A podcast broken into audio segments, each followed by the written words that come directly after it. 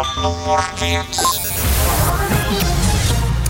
Liels notikums Latvijas e-sporta vēsturē. Pirmā ziņa digitālajās brokastīs. Latviešu e-sportists Helvijas Brokijas Saukants ar savu komandu FaZe ir izcīnījis uzvaru Eiropas PGL Major sacensībās Counter-Strike Global Offensive video spēlē.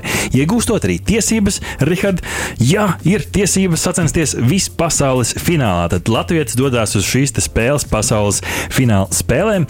Šī komanda ierakstīja sevi arī modernajā spēļu vēsturē, kā koma pirmā komanda ar jauktu nacionālitāšu pārstāvību. Parasti ir no vienas vai pāris valstīm šeit ir ļoti raips, raips sastāvs.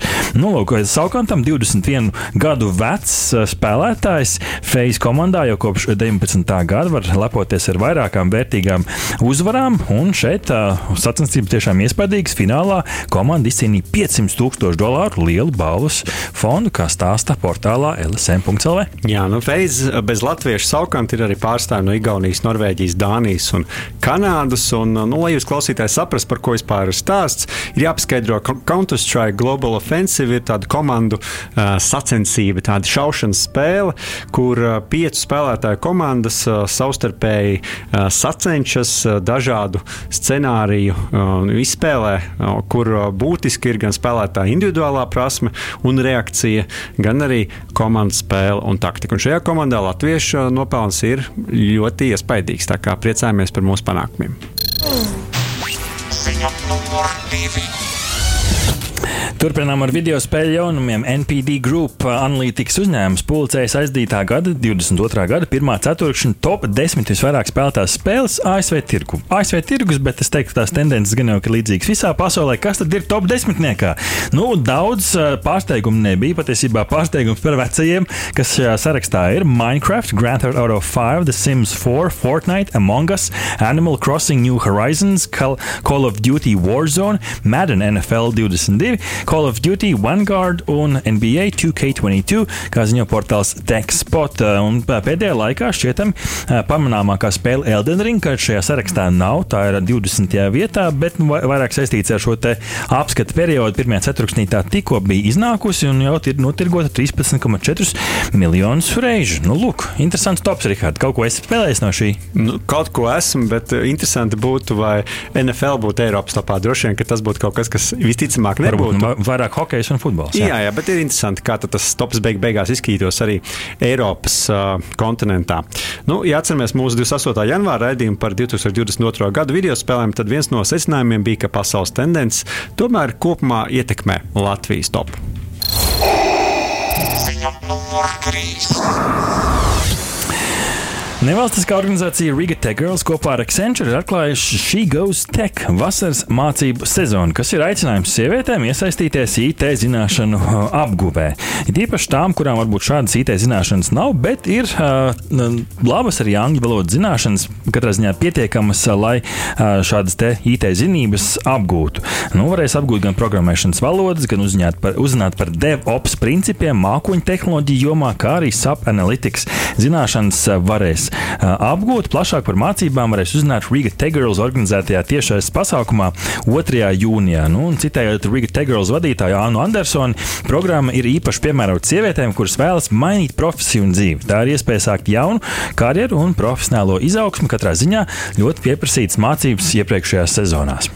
Jā, nu patiesi prieks par šo programmu. Un, uh, apkopotā statistika liecina, ka pagājušajā gadā uh, šajā programmā pieteicās 1029 dāmas, par ko liels prieks. Mm -hmm. Ziņa numur četri. Ceturtā ziņa - digitālās brokastīs no kosmosa. ASV tehnoloģiju uzņēmums Boeing CST 100 Starliners veiksmīgi aizdīs tā izmēģinājumu misiju kosmosā, savienojoties sākumā ar starptautisko kosmosa stāciju un pēc tam veiksmīgi piezemējoties Ņūmeksikas tuksnesī.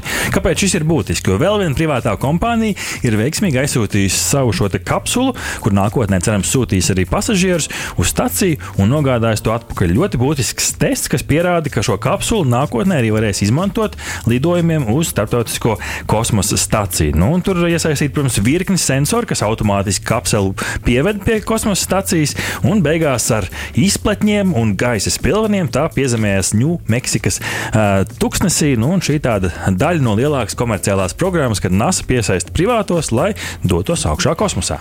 Jā, nu, taisnība radās sajūta, ka starptautiskā kosmosa stācija var aizbraukt kā ar tramvaju. Nesen digitālajās brokastīs jau ziņojām, ka aprīļa sākumā uz starptautisko kosmosa stāciju ar SpaceX palīdzību Axiom Space jaunu uzņēmumu veiksmīgi nosūtīja četru privātu astronautu komandu.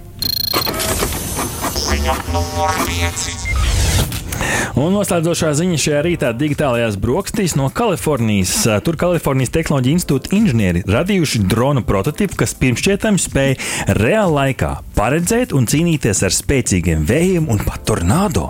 Drons ir aplīkots ar Neurofly programmatūru, kas ir mašīnu mācīšanās, mākslīgā intelekta un sarežģītu algoritmu apvienojums. Aptuveni 2,2 kg li lidaparāts šajā te testā uh, veiksmīgi spēja izlidot cauri šķēršļiem, diži nemainot to ideālo trajektoriju, jeb astotnieku, kas tam bija jāizlido.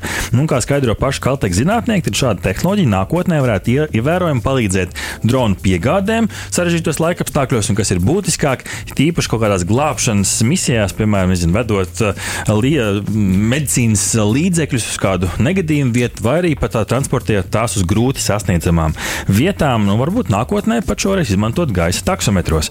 Par to stāsta ziņa aģentūra Reuters.